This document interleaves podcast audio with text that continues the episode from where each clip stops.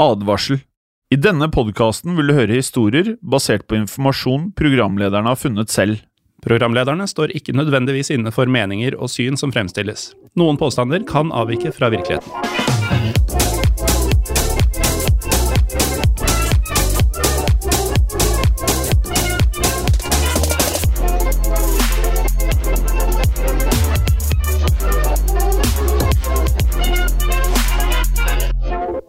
Og velkommen til en ny episode av Historie på den andre verdenskrig. Mitt navn er som alltid Jim Fosheim. Og mitt navn er Morten Galaasen. Hei, Morten. Hei, Jim. Hvordan står det til? Jo, det går eh, fint. Enn med deg? Veldig fint, men det er eh, klart at uh, tittelen 'Europas farligste mann', da legger du lista ganske høyt. Ja, jeg ser jo egentlig for meg at vi begge har det bedre nå enn vi kommer til å ha det når vi dykker Ja. inn i denne episoden. Ja. For dette er en av de eh, fælere gutta. Ja, det er en av de fælere, ja. Og vi skal jo da Dette her er jo annen verdenskrig, så litt overraskende skal vi ta en liten tur innom Tyskland. Ja.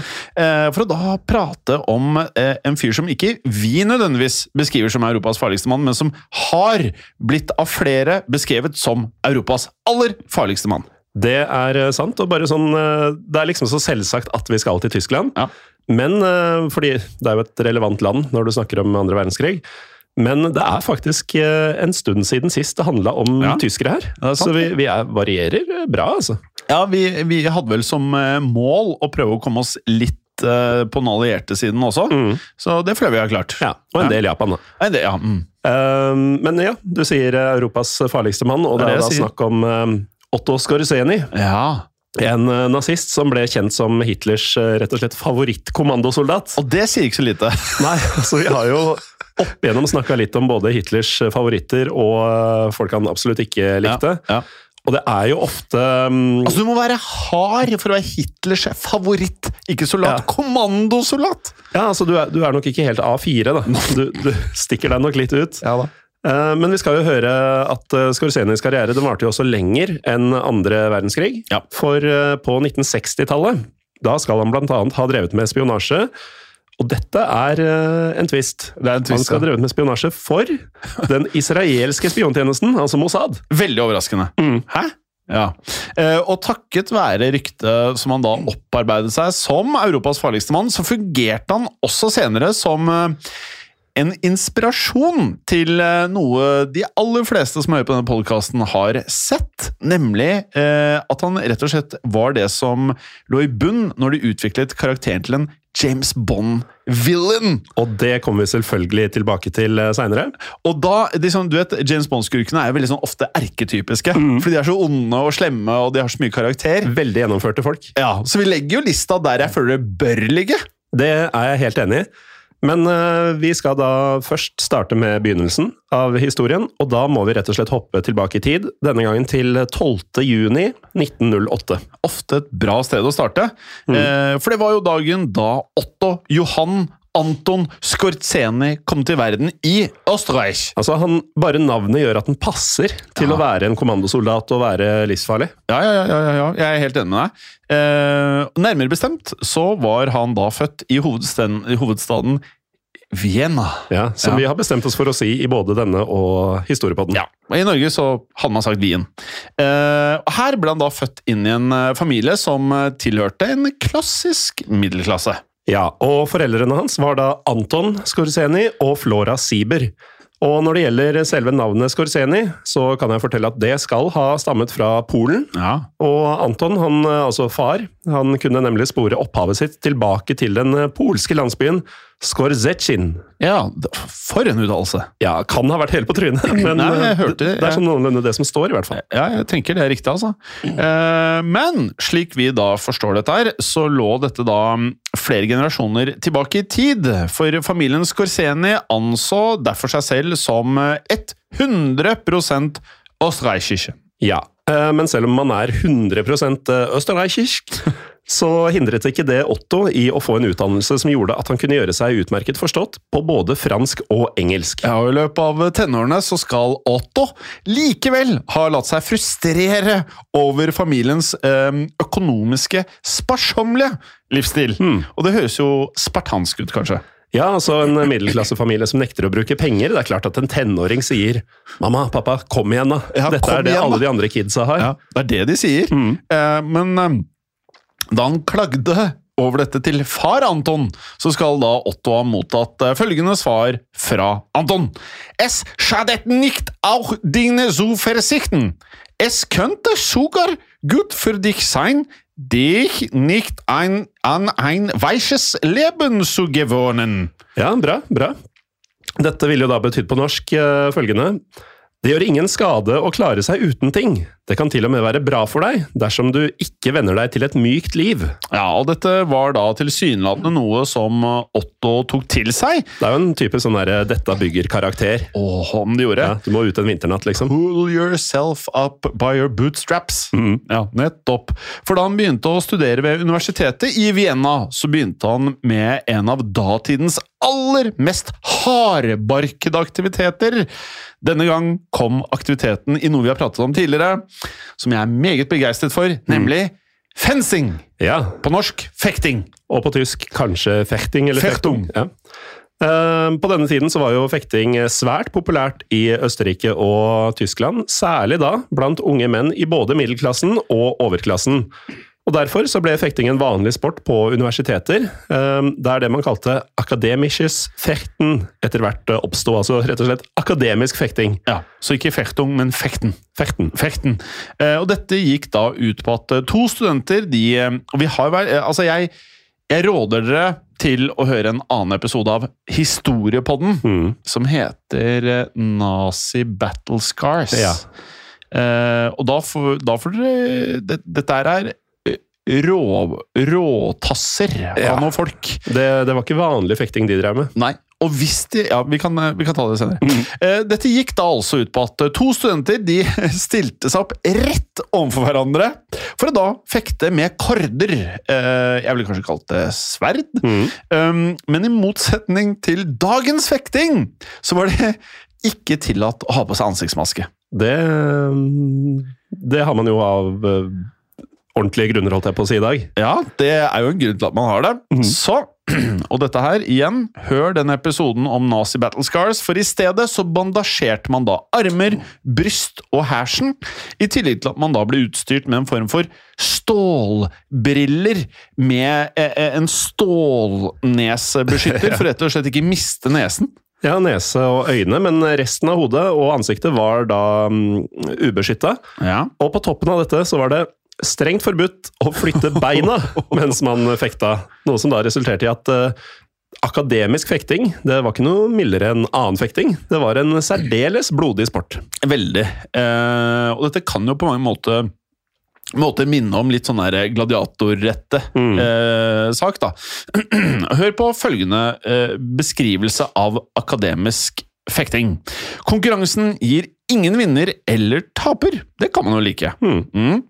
Eh, fekterens innsats ble vurdert av hans egen forening, kalt korps, uavhengig av motstanderen. Det kan vi for så vidt like. Mm. Ja. Eh, Det som gir anerkjennelse, er teknikken. Det kan vi også like, Morten. Ja.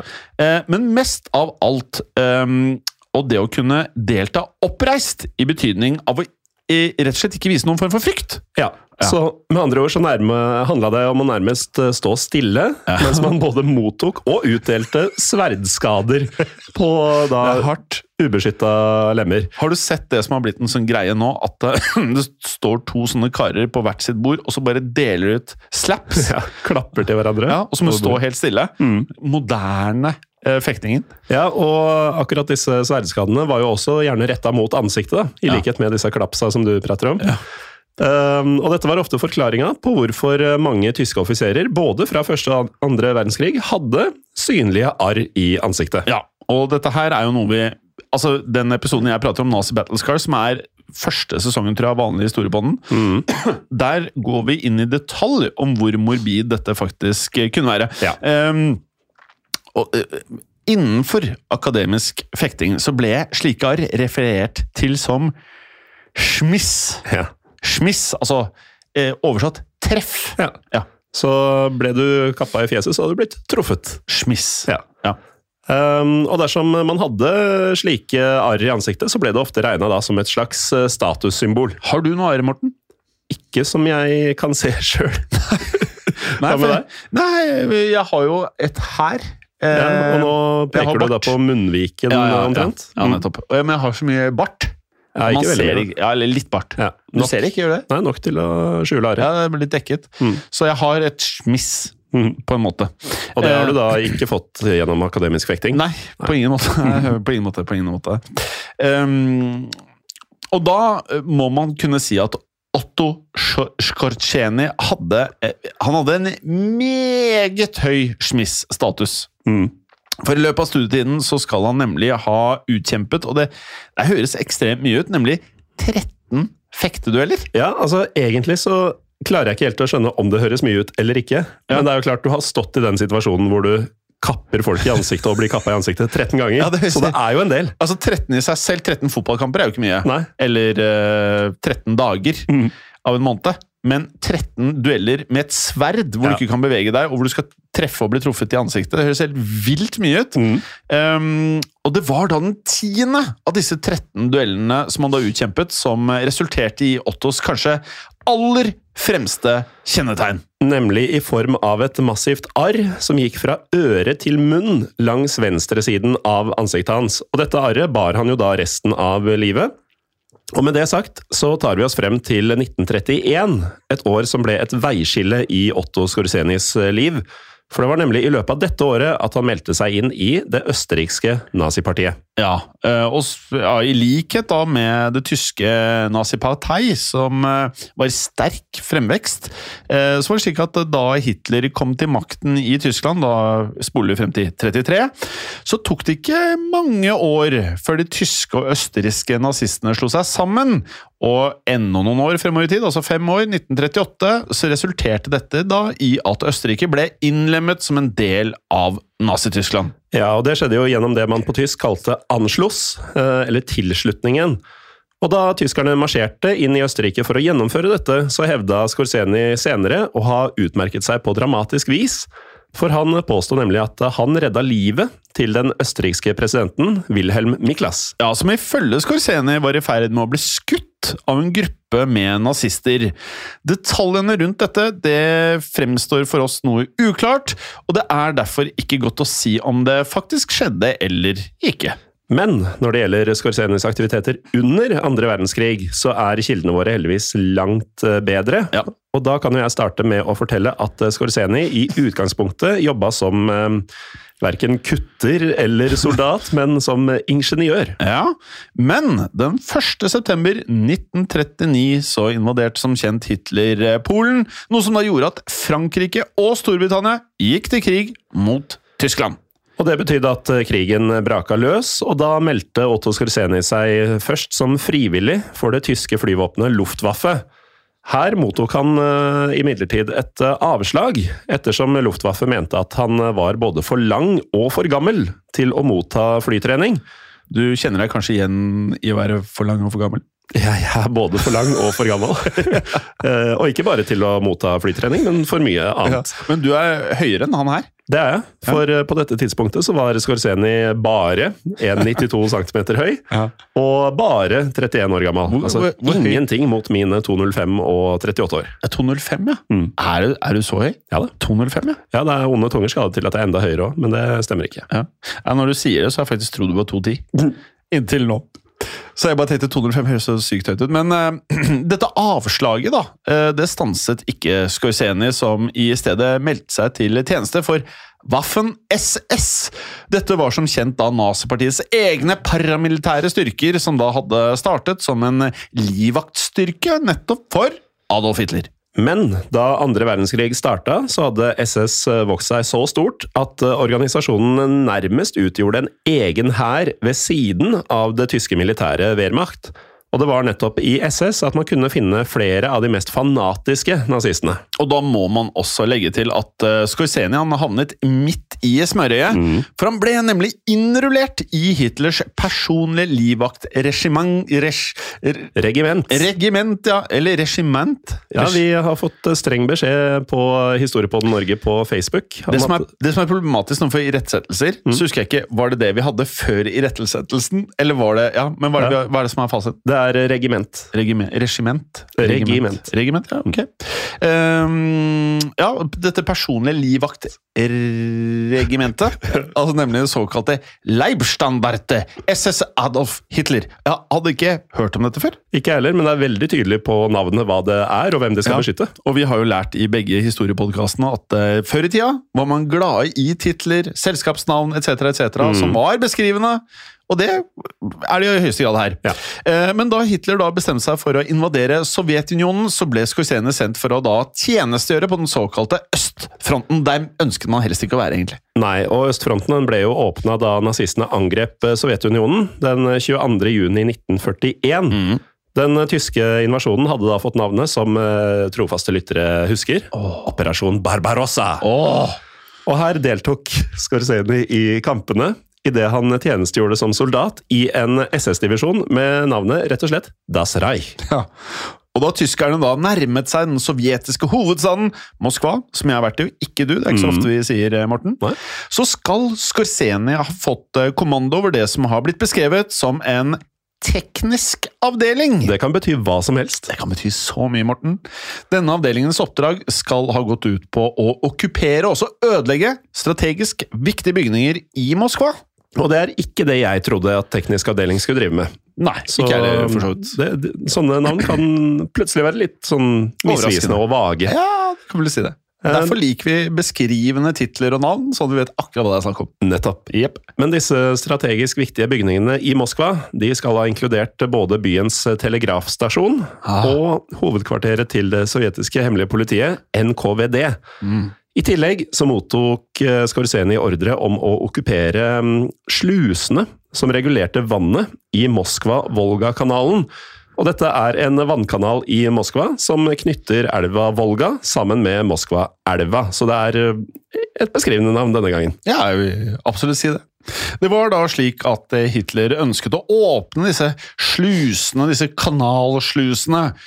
Og slik skulle man da oversvømme Moskva, som er en spekter i James Bond-idé, vil jeg vel si. Som eh, Hitler da så for seg skulle omgjøres til Han ville at Moskva skulle bli en Den gigantiske, mektige, historiske hovedstaden Moskva. Altså, det her er så ondt. Ja. Det er så spekter. Han ville at hele Moskva skulle bli en innsjø! Og det er, altså, jeg har jo vært i Warszawa, Ja. Og der også var det planer om å bare utslette byen fullstendig. Altså, det er så Og, og om de skulle bygge en park, eller hva det var for noe. Ja, det er så ondt. Ja, Ja, det er ondt. det er, det er helt uh, utrolig hvor, uh, hvor store, grandiose, onde planer de hadde. Men uh, du har jo vært i Moskva, Ja, det så åpenbart så ble dette ingenting av. Nei da. Ettersom den tyske fremrykninga mot hovedstaden omsider ble stansa. I eh, desember 1941 endte nemlig det såkalte slaget om Moskva i nederlag for Hitler, da tyskerne måtte trekke seg tilbake i møte med et eh, sovjetisk motangrep. Som sammen med denne vanvittige russiske vinteren gjorde at den eh, tyske fremrykningen gikk seg fullstendig fast. Og det fikk vår mann i høyeste grad merke på kroppen. Ja, for i januar 1942 så ble nemlig Skorseni truffet i bakhodet av granatsplinter. Noe som gjorde at han ble evakuert fra krigsfronten. Og deretter så måtte han belage seg på å komme til hektene igjen ved et eh, sykehus. Ja, Men eh, siden eh, skaden hans da krevde langt lengre tid for å leges, så ble Skorseni midlertidig overført til en stabsrolle i Berlin.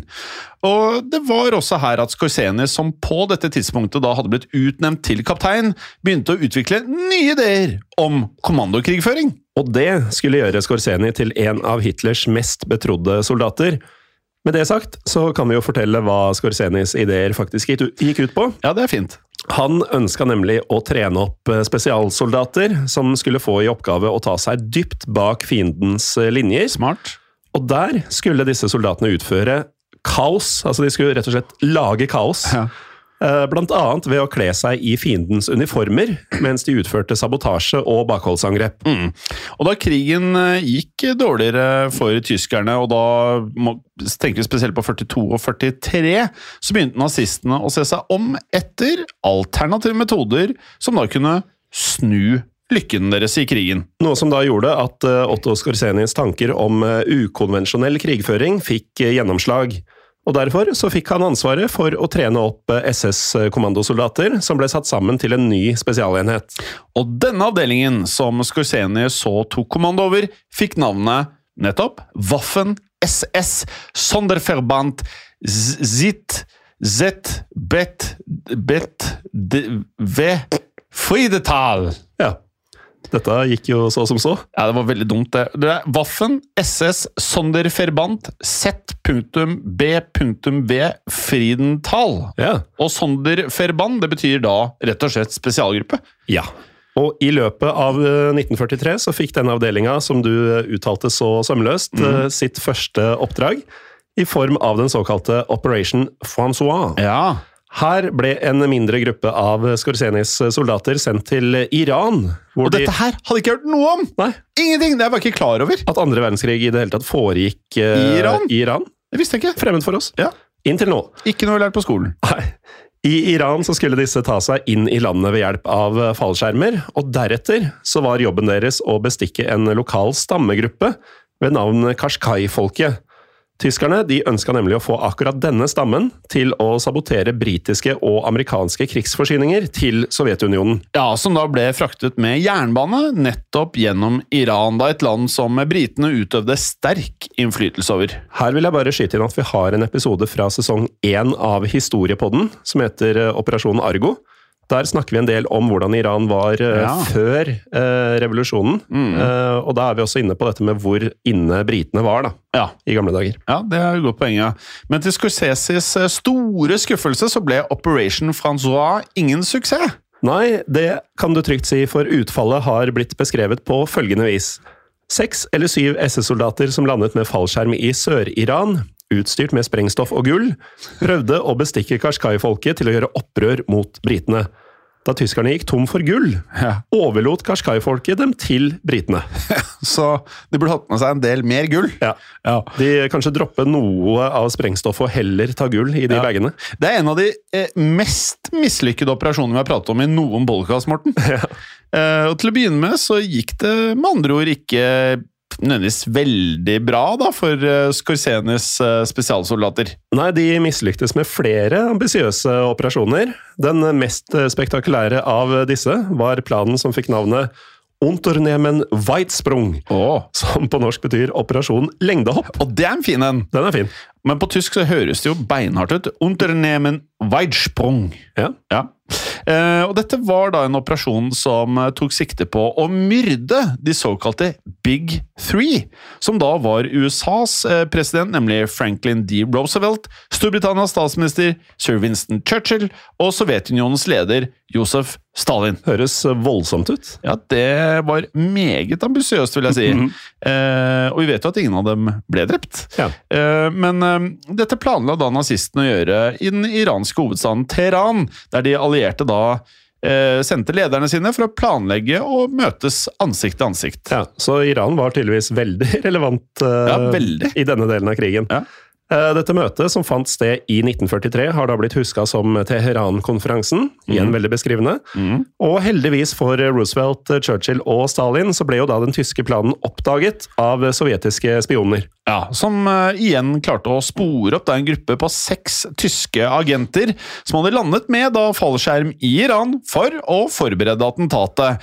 Og dette ble senere beskrevet av den sovjetiske spionen Gevork Vartanyan. Ja, Vartanyan uttalte da følgende We followed them to Tehran, where the Nazi field station had readied a villa for their stay. They were traveling by camel and were mm-hmm. loaded with weapons. While we were watching the group, we established that they had contacted Berlin by radio and recorded their communication. When we decrypted these radio messages, we learned that the Germans were preparing to land a second group of agents for a terrorist act the assassination or abduction of the Big Three. The second group was supposed to be led by Skorzeny himself. Altså, Dette burde vært lagd 100 filmer av. Det er jo det, er, det, er, det, er, det her er veldig bra plott, altså. Ja, de bildene, altså Hvis det hadde vært en film, bildene av at de har landa i fallskjerm i en litt sånn ødemarks, altså noen fjellete ørkenområder, Ja. og sitter på kameler innover Bare det aleine er jo en fet film. Ja. Eh, Men da de tyske agentene deretter ble pågrepet, så innså Skorseni at eh, planen hadde blitt eh, avslørt. Og derfor så ble Unternehmen Weitsprung avblåst i oktober 1943, som var måneden før de allierte lederne ankom Teheran. Men det gikk snart bedre for Skorseni, idet han deretter gjennomførte flere av andre verdenskrigs mest spektakulære kommandooppdrag, og det skal vi høre mer om etter en kort pause. Velkommen tilbake. Før pausen så nevnte vi at Scorsene Skorseni skulle lykkes med flere viktige oppdrag, selv om det kanskje ikke virker sånn så langt. Ja, så langt har det ikke gått helt uh, veien for den, men uh, nå skal det snu, og det kanskje mest kjente av disse var Unternehmen Eiche. Som er Det høres jo ganske hardt ut der, men det er Operasjon Eiketre. Ja. Uh, dette var en operasjon der Skorseni fikk ansvaret for å redde en av Hitlers allierte. Og han hadde jo en del allierte, mange ikke så kjente. Dette var imidlertid en av de større, ja. nemlig den italienske diktatoren Benito Mussolini. Mussolini! Og sommeren 1943 så ble nemlig Italia da invadert av de allierte. Som et resultat ble Mussolini derfor avsatt, da han da rett og slett tapte et uh, mistillitsforslag innad i det italienske fascistpartiet. Og dette gjorde at uh, den italienske kongen Vittorio Emanuel uh, the third, den tredje, utnevnte en ny italiensk regjering. Du hadde også lyst til å si tredje på italiensk ja. uten å finne det, ikke sant? Men hva er det? Jeg veit ikke. Eh, altså, det er uno due Trie? Ja, men, Trie. men, så skal du ha ordenstall også. Det går jo ikke. Jeg sier Vittorio Emanuele Trie. Ja, hvorfor ikke? Ja. Um, samtidig som uh, Mussolini da ble pågrepet og satt i husarrest. Og da den uh, nye italienske regjeringa forsøkte å inngå en uh, separat fredsavtale med de allierte, så ble Nord-Italia okkupert av tyske styrker. Disse styrkene hadde i oppgave å forhindre at de allierte tok kontroll over hele landet. Ja, og Midt oppi dette så ga da Hitler en personlig ordre om at Mussolini skulle frigjøres. Og en av de som da fikk ansvaret for dette, var selvfølgelig Otto Skorseni. Ja, som dermed satte av gårde, sammen med en gruppe kommandosoldater, mot stedet der Mussolini satt i husarrest. Og dette stedet, det var et alpinhotell ved navn Campo Imperatore, som eh, lå på fjellet Gran Sasso i regionen Abruzzo. Oh. Og Abruzzo ligger da midt i Italia. Mm, jeg blir sulten av alle de navnene. Sulten og reiselysten. Ja, faktisk. Uh, uansett, da. Etter å ha sporet opp Mussolini ved hjelp av tyske spioner, så gikk tyskerne til aksjon. I spissen for en avdeling på 91 tyske fallskjermjegere, og det her er, det er ganske heftig, altså. Mm. Så landet dermed Skorseni og 16 SS-spesialsoldater på Gran Sasso med og dette her er eksotisk, glidefly! Ja. ja. Og tyskerne de overraska Mussolinis uh, fangevoktere ved Campo Imperatore. For glidefly det er jo selvfølgelig helt stille. Det kommer, uh, kommer stille og rolig. Ja. Eller ikke så rolig, kanskje. Nei. Ganske dramatisk, men ja. uh, de er på plass før du veit ordet av det. ja. Og disse fangevokterne de var jo heller ikke noen hvem som helst. Dette var um, 200 italienske Carabinieri, oh. som er en uh, italiensk paramilitær politiavdeling. Mm. Et slags spesialpoliti, eller kanskje til og med opprørspoliti. Um, og det viser seg da raskt at disse var eh, lite motiverte til å gjøre motstand. Det er jo heldig for tyskerne. Ja, og uheldig for dem selv. Ja. Skorseni og soldatene hans de hadde nemlig med seg en uh, Mussolini-lojal italiensk general ved navn Fernando Soletti. Ja, Som da ga ordre til karabinieriene karabinierene om å overgi seg, noe som da uh, var noe de faktisk gjorde ganske raskt. Ja. Um, deretter så satte Scorseni hotellets radiostasjon ut av spill, det er jo smart, mm. før han da gikk for å finne Benito Mussolini. Som da ble frakta ut av hotellet bare ti minutter etter at tyskerne hadde landa. Altså lite motstand! Ja. Ti minutter! Du skulle jo tro at uh, Mussolini er en såpass uh, stor fisk ja. at uh, han er under streng bevåkning et sted som nesten er uinntagelig. Altså, Vi skulle bare hente oss en kaffe. Det tok jo ti minutter. Ja, ja. ja det, det, gjorde det faktisk. Um, og bare deise inn, hente ut Mussolini og stikke. Ja, Det var deising. Det skal ta mer enn ti minutter. altså. Ja, det bør det gjøre. Mussolini ble da plassert på en taubane som frakta han til dalen nedafor fjellet og Der hadde de i mellomtida landa et uh, tysk fly, som uh, Mussolini nå gikk om bord på, sammen med Otto Skorseni. Og Deretter bar turen til Vienna, før Mussolini da så ble sendt videre til Hitlers hovedkvarter. Og dette her Man tror at alt dette her er en film, mm. ikke sant? Han ble sendt til Wien, og så sendt til Hitlers hovedkvarter, som er Wolfschanze! Ja, dette Altså- ulvehiet oh! som lå i Øst-Prøysen, og som vi da har eh, egen episode om. Ja, helt riktig. Og eh, du kan jo tenke hva som eh, sto i Hitlers hode her. Mm. Han var jo storfornøyd. Ja, Ja, ja, ja. ja. Han var jo veldig glad. Som da også personlig tok imot Mussolini, eh, noe som da gjorde at Scorseni fikk en meget høy stjerne i boken til Der Fyra. Ja, og her var det nok eh, Scorseni selv som best beskrev eh, besluttsomheten han utviste under dette redningsforsøket. Han skal nemlig ha sagt eh, følgende, og dette tør ikke jeg prøve på, Jim, dette får du ta. Mein Wissen über der Schmerz, das ich mit dem Säbel gelernt habe, lærte mich, keine Angst zu haben. Und so wie im Duel, wenn man sich auf die Wange des Feides konzentrieren muss, so auch im Krieg. Sie können keine Seiten mit Freitung und Umgehen verschwenden. Du musst dich für dein Ziel entscheiden und hineingehen. Dette gikk akkurat så bra som vi kunne drømme om. Um, jeg kan jo ta det på norsk. Ja. Uh, Det trenger jeg i hvert fall. Uh, Da blir det noe sånn som dette. Min kunnskap om smerte, lært med sabelen, lærte meg å være uredd. Og akkurat som i duellering, når du må konsentrere deg om fiendens kinn, slik er det også i krig. Du kan ikke kaste bort tid på finter og sidestepping. Ah. Du må bestemme deg for målet ditt og gå inn. Ja, og det er en bra innstilling det, når det er røft. Eh, og takket være nettopp denne innstillingen så ble han nå kjent som en meget farlig mann å regne med. Ja, for i kjølvannet av denne spektakulære redninga av Mussolini, så fikk nemlig Scorseni et nytt kallenavn av de allierte. Ja, Som da begynte å referere til han som The Most Dangerous Man in Europe.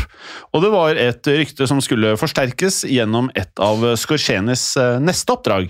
Ja, for i 1944 så var det nemlig trøbbel hos en annen av Hitlers allierte. Denne gangen så var det snakk om Ungarn, som hadde deltatt i krigen mot eh, Sovjetunionen på tysk side.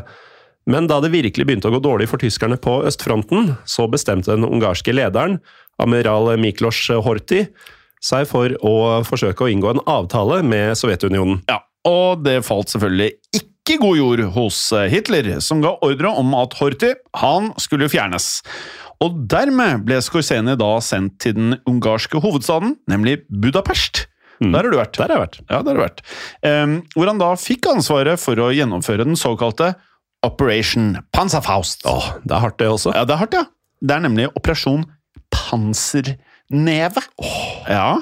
Og den operasjonen, altså Operasjon Panserneve, den gikk ut på å kidnappe amiral Horthys eh, sønn, eh, som også het Miklos eh, riktignok med et junior på slutten der. ja. Dette ble gjort den 15. oktober 1944, da Miklos junior ble invitert til et falskt møte. Han ble da tatt til fange før han ble rulla inn i et teppe, også veldig filmvennlig, Ja. og flydd til Vienna. ja. Rullige teppe, det er på en måte en annen variant av handcuffs. handcuffs. Ja, for du, da er du jo kaputt. Ja, Er du ordentlig tett rulla inn i et teppe, så er du jo mye mer hjelpeløs enn om du har håndjern på deg. Ja, det er faktisk sant. Med andre ord, hvis du ser noen gå rundt med teppe, så beware. Ja. Hvis du Eh, hører masse sånn dunking og muffled eh, roping, Ja. så er det antagelig noen som har rulla noen inn i det. Muffled, er det kneblet, eller eh, Ja, så jeg veit ikke helt Litt sånn dempa, da. Ja, dempet, ja. Fordi man hører jo ikke så godt gjennom teppet. Nettopp. Eh, og senere samme dag så satte Skorseni av gårde i spissen for en konvoi med tyske soldater og panser, altså Mm. tanks. Og denne konvoien den tok seg frem til den ungarske altså presidentpalasset i Ungarn, mm. der Skorseni da informerte Miklos Horthy senior om at sønnen hadde blitt tatt som gissel i teppet. Og på denne måten så tvang Otto Skorseni Horthy senior til å overgi seg sammen med livvaktene sine idet han gikk av som ungarsk eh, statsleder. Før han så ble fengslet av nazistene, som dermed lyktes i å hindre at Ungarn trakk seg ut av verdenskrigen. Likevel snudde dette på ingen måte krigslykken for Hitler.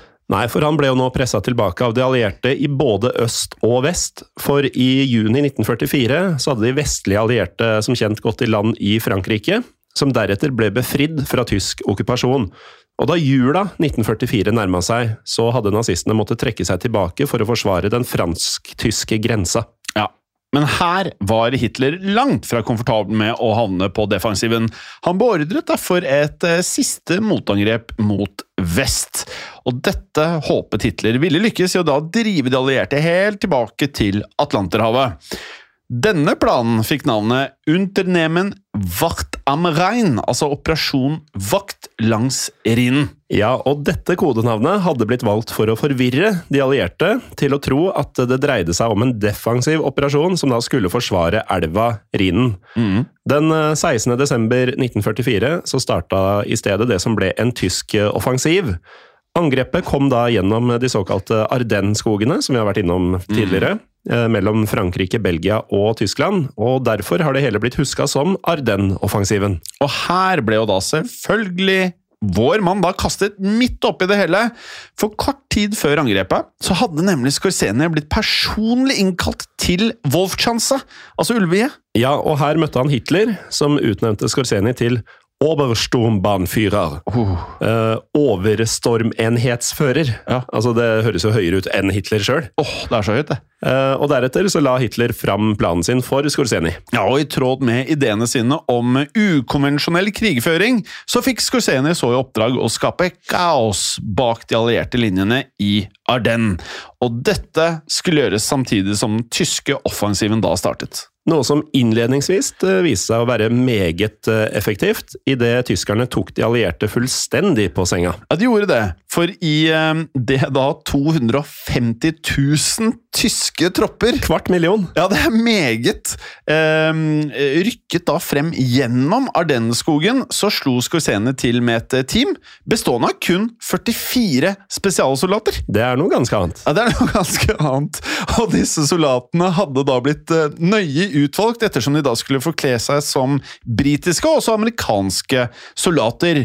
Og derfor så var det et krav om at de utvalgte måtte beherske engelsk på perfekt vis. Altså, eh, vi har jo sett i eh, Bastards, altså Inglorious Mm. Jeg tenkte akkurat på det ja, ja?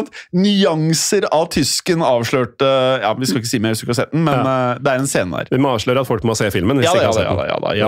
Den blir bare bedre for hver gang jeg ser den også. Den er knallbra, vet du. Mm. Det, er, det er både tysk og for så vidt også italiensk som forsøkes eh, Helt av ikke-tyskere og ikke-italienere. Ja, som er bra. Ja, varierende. helt. Varierende. Um, Forkledd i britiske og amerikanske soldatuniformer, så begynte da disse å snike seg rundt eh, bak britene og amerikanernes eh, linjer, og her okkuperte Skorsenis menn viktige knutepunkter, i tillegg til at de spredte falsk informasjon og saboterte forsyningsdepoter. Ja, og dette viste seg å være svært effektivt. ehm, at amerikanerne da til slutt eh, krevde at hver eneste amerikanske soldat måtte identifisere seg i møte med andre. Åh, det høres kronglete ut. Ja, veldig kronglete, og eh, det skapte nok også usikkerhet, selvfølgelig. Ehm, og dersom dette ikke ble gjort umiddelbart, så risikerte man da å bli skutt eller arrestert. Og som om dette ikke var nok, så skapte Skorseni enda mer kaos ved å spre rykter om at han planla å kidnappe Altså, han la ut rykter om seg sjøl. Ja. At han planla å kidnappe general Dwight D. Eisenhower. Ja. Litt sånn som Kareem Abdul-Jabbar har satt ut eh, rykter om seg selv, om noe helt annet. da. Eh, som, eh, og, og Eisenhower han var jo da øverstkommanderende for de allierte styrkene i Europa. Ja, og Derfor sendte Eisenhower opp med å måtte benytte seg av flere dobbeltgjengere. Det er sånn man bare tror skjedde. Det er veldig mye i denne historien her som er veldig sånn gammeldags Ja. og filmaktig, Ja, men som var ganske vanlig måte å operere på i ja, gamle dager. Ja, Og også veldig James Bondete. Vi vet jo at Blofeld, Ernst Stavro Blofeld, han fikk jo andre til å ta ansiktsoperasjoner for å ligne seg selv. Ja. Det er eh, ting som har skjedd, ja. Um, og disse dobbeltgjengerne de fikk jo oppgave å fungere som lokkeduer, selvfølgelig. Men den virkelige Eisenhower han holdt seg da skjult i Paris.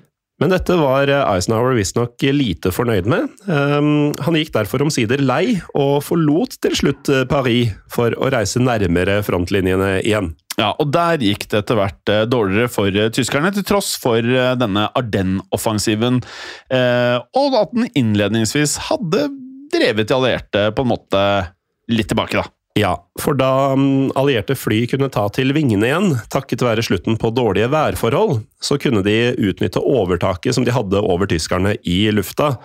På dette tidspunktet hadde nemlig det tyske flyvåpenet, altså Luftwaffe, som vi nevnte for lenge, lenge siden, blitt så svekka at de allierte hadde nesten totalt luftherredømme. Og Derfor så gikk den tyske offensiven i stå idet den ble angrepet av de alliertes eh, fly.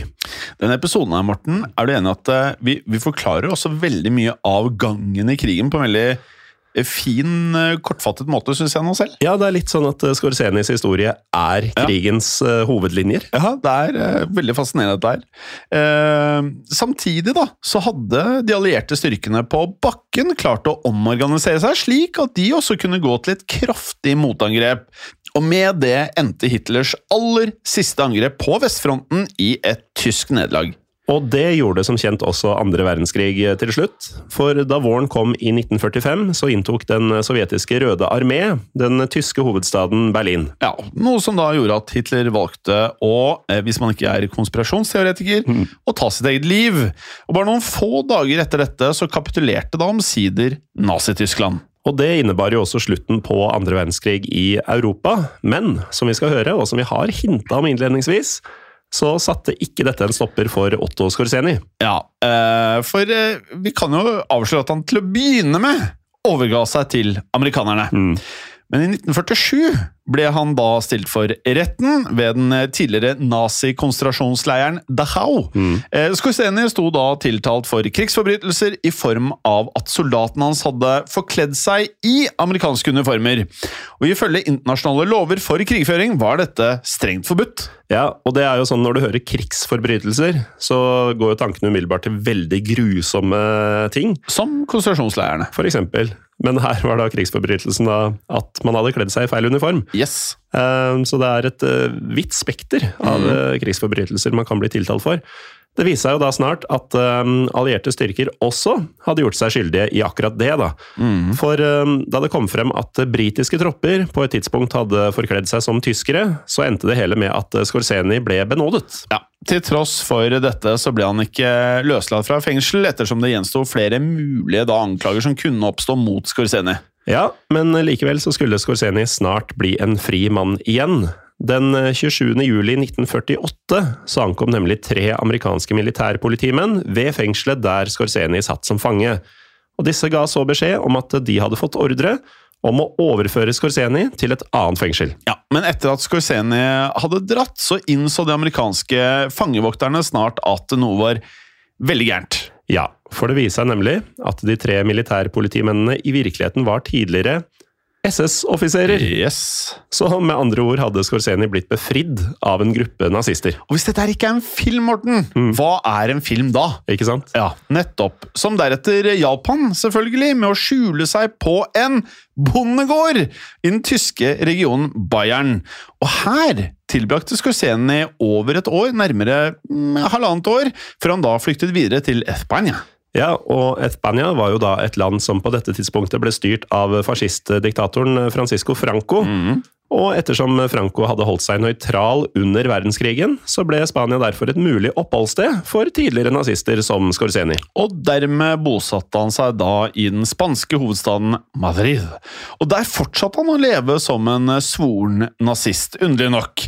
For ifølge våre kilder så skal han blant annet ha fortsatt å iføre seg full nazi-uniform da han deltok i middagsselskaper! Ja, altså, Vi sier at Spania holdt seg nøytralt under krigen. Det er uh, veldig nøytralt, da, hvis dette kunne gå an. Ja. Og på toppen av dette så hadde Skorseni ingen intensjoner om å legge karrieren som spesialsoldat på hylla. I 1952 så ankom han derfor Egypt, hvor han begynte å arbeide som militærrådgiver for den egyptiske hæren. Jeg minner om at det er sju år etter krigen. Det er det. Ja. Uh, og Egypt på dette tidspunktet de samarbeidet med palestinske geriljasoldater, som i likhet med egypterne da lå i konflikt med staten Israel. Ja, og Derfor så skal Skorseni ha bidratt til å trene opp eh, både egyptiske soldater og palestinske geriljakrigere. Og blant de som mottok trening fra Skorseni, og dette er ganske sjukt, så var visstnok den palestinske lederen Yasir Arafat. Altså, hvordan kan en historie bli sykere enn det her? Altså, dette er da samme Arafat som var uh, involvert i Oslo-avtalen Ja. på tidlig 90-tallet. Ja, Har da mottatt militær trening fra Otto Skorzeny, Europas farligste mann på 40-tallet. Men Morten, ikke nok med dette. Eh, Vår mann han tok også turen til Sør-Amerika, og han ble nemlig også en rådgiver for Argentinas president Juan Perón. Ja, og hvis du syns det etternavnet låter kjent, så hadde jo han en kone. Og um, Juan Perón han skal da um, i en tid ha engasjert Scorseni for livvakt for nettopp denne kona, altså selveste Evita. Eva Perón. Ja, men det mest kuriøse som skal ha skjedd med Scorseni etter eh, krigens slutt, var da han begynte å jobbe for de han trente Isra eh, altså eh, soldatene mot, mot, på en måte, nemlig Israel. Ja, altså, vi snakker om en svoren nazist som etter krigen, Ja. altså etter den nazistiske innsatsen i krigen, har trent opp alle fiendene til Israel. Nå eh, snur det litt her. Ja, I 1962 så møtte nemlig Scorseni og kona hans, Ilse, et annet ektepar ved en bar i Madrid. Og dette paret, som tilsynelatende var tyske turister, de fortalte at de nettopp hadde blitt rana. Ja, Scorseni han tilbød seg da å hjelpe, samtidig som han inviterte ekteparet på middag i villaen deres. Men da gruppen hadde kommet seg hjem til Scorseni, så dro han frem en pistol. Og idet han da rettet den mot de tyske turistene, så skal han ha sagt følgende Ich weiß, wer du bist, und ich weiß, warum du hier bist. Sie sind vom Mossad, und sie sind hier, um mich zu töten. Ja, Og det er mulig å skjønne dette her, selv om det er på tysk. det er det, men vi tar det på norsk Ja, for vi tar det det. på norsk. Vi tar det på norsk. Um, jeg vet hvem dere er, og jeg vet hvorfor dere er her. Dere kommer fra Mossad, og dere er her for å drepe meg. Noe som da fikk følgende svar. Wenn wir gekommen wären, um dich zu töten, warst du schon von Wochen tot gewesen. Litt vanskeligere. Ja, litt vanskeligere. Det går, betyr noe sånn som dette. Dersom vi hadde kommet for å drepe deg, ville du vært død for flere uker siden. Ja, for det viser seg nemlig at dette mystiske ekteparet de var, som Skorzeny antok, agenter for den israelske etterretningstjenesten Mossad. Men de hadde da fått i oppdrag å reise til Madrid, ikke for å myrde ham, men de skulle presentere et forslag for nazisten Skorzeny. Ja. Mossad ønska nemlig å engasjere Skorzeny for å sabotere et hemmelig egyptisk, altså hans tidligere arbeidsgiver, eh, rakettvåpenprogram. Og dette er nesten ikke det er, Man kan nesten ikke tro at det er sant. Nei, altså Man har jo sett x antall spionserier og filmer og sånn, hvor det snakker om å We can flip him. Ja. Han her kan jo ikke bli flipped. Men det er, det er nesten ikke mulig at dette her har skjedd, men det har skjedd! Nei, men han, han må jo ha sagt nei. Vi får se. For Scorseni, han sa seg faktisk villig til å gjøre dette. Ja. Men hvorfor han da takket ja, kan man vel bare spekulere i. Ja, jeg kan jo dele en beskrivelse om akkurat dette her. No confirmed source can explain Scorseny's motives for working with Israel, but he may have craved adventure and intrigued and feared assassination by Mossad. Med andre ord så kan det da tenkes at Skorzeny takket ja i bytte mot at Mossad lovte å ikke forsøke å fange eller drepe han. da. Ja, og Mossad og Israel hadde jo ikke noen skrupler med å gjøre sånne ting, eh, dersom man klarte å spore opp tidligere nazister. Det var f.eks. takket være israelske agenter at uh, nazikrigsforbryteren Adolf Eichmann omsider ble spora opp og arrestert i Argentina. En hendelse som skjedde i 1960. Muligheten for å bli kidnappet eller drept var dermed noe Scorsene i høyeste grad må ha vært bevisst på. Ja, og i 1962 så var det nok derfor i Scorsenis egeninteresse egen interesse å inngå et eh, ja, overraskende samarbeid med Mossad. Ifølge våre kilder så skal han da ha blitt, eh, eller han skal ha fått eh, overlevert navn og adresser på flere tyske vitenskapsmenn. Ja, Og som på det tidspunktet da jobbet med å lage raketter for egypterne. Eh, I tillegg skal Skorzeny ha overlevert en liste over alle bedriftene som forsynte Egypt med militærutstyr. Og dette ga tilsynelatende resultater, for i 1963 så satte nemlig en serie med attentater en effektiv stopper for det egyptiske rakettprogrammet. Men Otto Skorseni, han eh, viste derimot ingen tegn til å stanse, for til tross for at han da begynte å dra på årene nå, så fortsatte han å engasjere seg innen hemmelige operasjoner. Og i 1970, da Skorseni var eh, 62 år gammel, stiftet han det som ble kalt The Paladin Group. Denne organisasjonen har blitt beskrevet som følgende A private far-right military contractor. The organization provided mercenaries to Palestinian revolutionaries, Augusto Pinochet's regime in Chile, military death squads in Argentina, the Greek, the Greek military dictatorship, the dictator Salazar in Portugal, and the Spanish Secret Service. Og dette er altså Det er en vill CV. Ja, og det er, det er bare de verste. Ja, det er bare det verste, ja. Eh, og slik eh, holdt Scorsene det gående helt frem til 1975. Som skulle bli året da Otto Johan Anton Skorseni døde, i en alder av 67 år. Men det var ikke israelske nazijegere som til slutt skulle ta knekken på han. Og som vi vet fra både historiepodden, historiepodden andre verdenskrig, gangsterpodden, mange av de farligste og mektigste mennene vi prater om, de dør ofte på litt sånn Er det fair å si antiklimatisk vis, kanskje? De lever hardere enn de dør, på Ja, en måte. nettopp. For det var da sigarettrøykingen som eh, tok han av dage til slutt. Ja. For Skorseni han eh, røykte regelmessig, han, og pådro seg etter hvert eh, lungekreft. Ja, og det var da lungekreft som tok livet av han eh, den 5. juli 1975. Og da mm, Skorseni så ble gravlagt i Madrid, så besto den oppmøtte forsamlinga av flere dress- og solbrillekledde nazister. Som i likhet med Skorseni hadde klart å da unnslippe straff etter annen verdenskrig. Og her gir vi et lite drypp på eh, Altså, det blir veldig spennende. Eh, Vi, vi, må, vi må sette av mye tid til å ta den perioden på slutten av krigen, det som skjedde etter krigen med nazistene. Mm. Ja, for der var det mye Grums, for å si det mildt. grums. Ja. Um, uansett, han hadde jo da unnsluppet straff, og um, kisten ble derfor stett til hvile, samtidig som de oppmøtte gjorde full nazihilsen. Mm. Og visstnok så skal noen av Adolf Hitlers favorittsanger også ha blitt sunget i begravelsen. Man tror nesten ikke det der er sant. Nei, men det har vi sagt mange ganger i Ja, denne det, episoden. ja, det, er sagt. ja, ja. det er helt uh, Uansett, da. Men dette sagt, da, så kan vi til slutt uh, også nevne at uh, Skorsenis aske senere ble flyttet til familiegraven i Vienna. Og etter hva vi kan forstå, så ligger det der den dag i dag. Det gjør det visst, og um, dette er jo en helt vill episode. Der er uh, noe av det uh, mest kuriøse vi har hatt i noen podkast så langt. Jeg er helt enig. Det er uh, nesten ikke til å tro. Men det er andre ting eh, Ja. som vi kanskje ikke veit om ennå, Ja. som også ikke er til å tro. Eh, både relevant til andre verdenskrig, men også til eh, historiepodden som tar for seg alt mulig annet. Mm. Og Hvis man har noen tips om det, Ja. Så anbefaler vi jo å poste dem i Facebook-gruppa vår, kanskje, Ja. som heter Historie for alle. Helt riktig. Eller du kan DM det. Mm. Eh, Vi er jo i Historiepodden Norge på Instagram og Facebook. Ja. Eh, Så det er eh, strålende muligheter til å ta kontakt med oss, enten det er, du har tips, eller om du har andre ting på hjertet. Ja, og så er det jo sånn, Vi får jo spørsmål hvor, om hvor resten av episodene til alle podkastene vi er med i, er. De ligger nå eh, i appen Untold, som du kan laste ned enten på iTunes eller eh, Er det Google eh, Store? Google Play Store. Ja, hvis du er Android. Ja. Android. Android. Ja. Eh, der er det 30 dagers gratis prøveperiode, så hvis du syns dette var eh, gøy å høre på, ta oss og last ned Untold, da vel. Ja. Test oss ut i en måned, så kan du se om du ønsker å fortsette. Helt reklamefritt hver uke. Både denne og Historiepodden. Helt riktig. Og mye annet. Og mye annet, Morten! Mm. Men du, Mm. Dette her har skjedd. Ja, det har det, og det kan skje igjen. Ha det bra. Ha det. Historiepodden ønsker å takke følgende.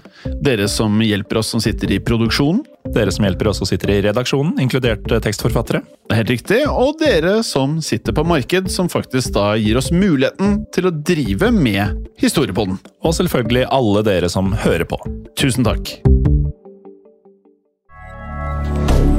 Moderne media. Kiwi er billigst i VGs matbørs og har vært billigst i fire av de fem siste VGs matbørser. Og nå presser vi prisene på frukt og grønnsaker. På 200 gram broccolini setter vi prisen til 24,90. På 400 gram Cevita blåbær setter vi prisen til 49,90. Og husk, alle Kiwi Pluss-kunder får i tillegg 15% trumfbonus på all fersk frukt og grønt. For det er vi som er prispresserne. Og vi i Kiwi gir oss aldri på pris.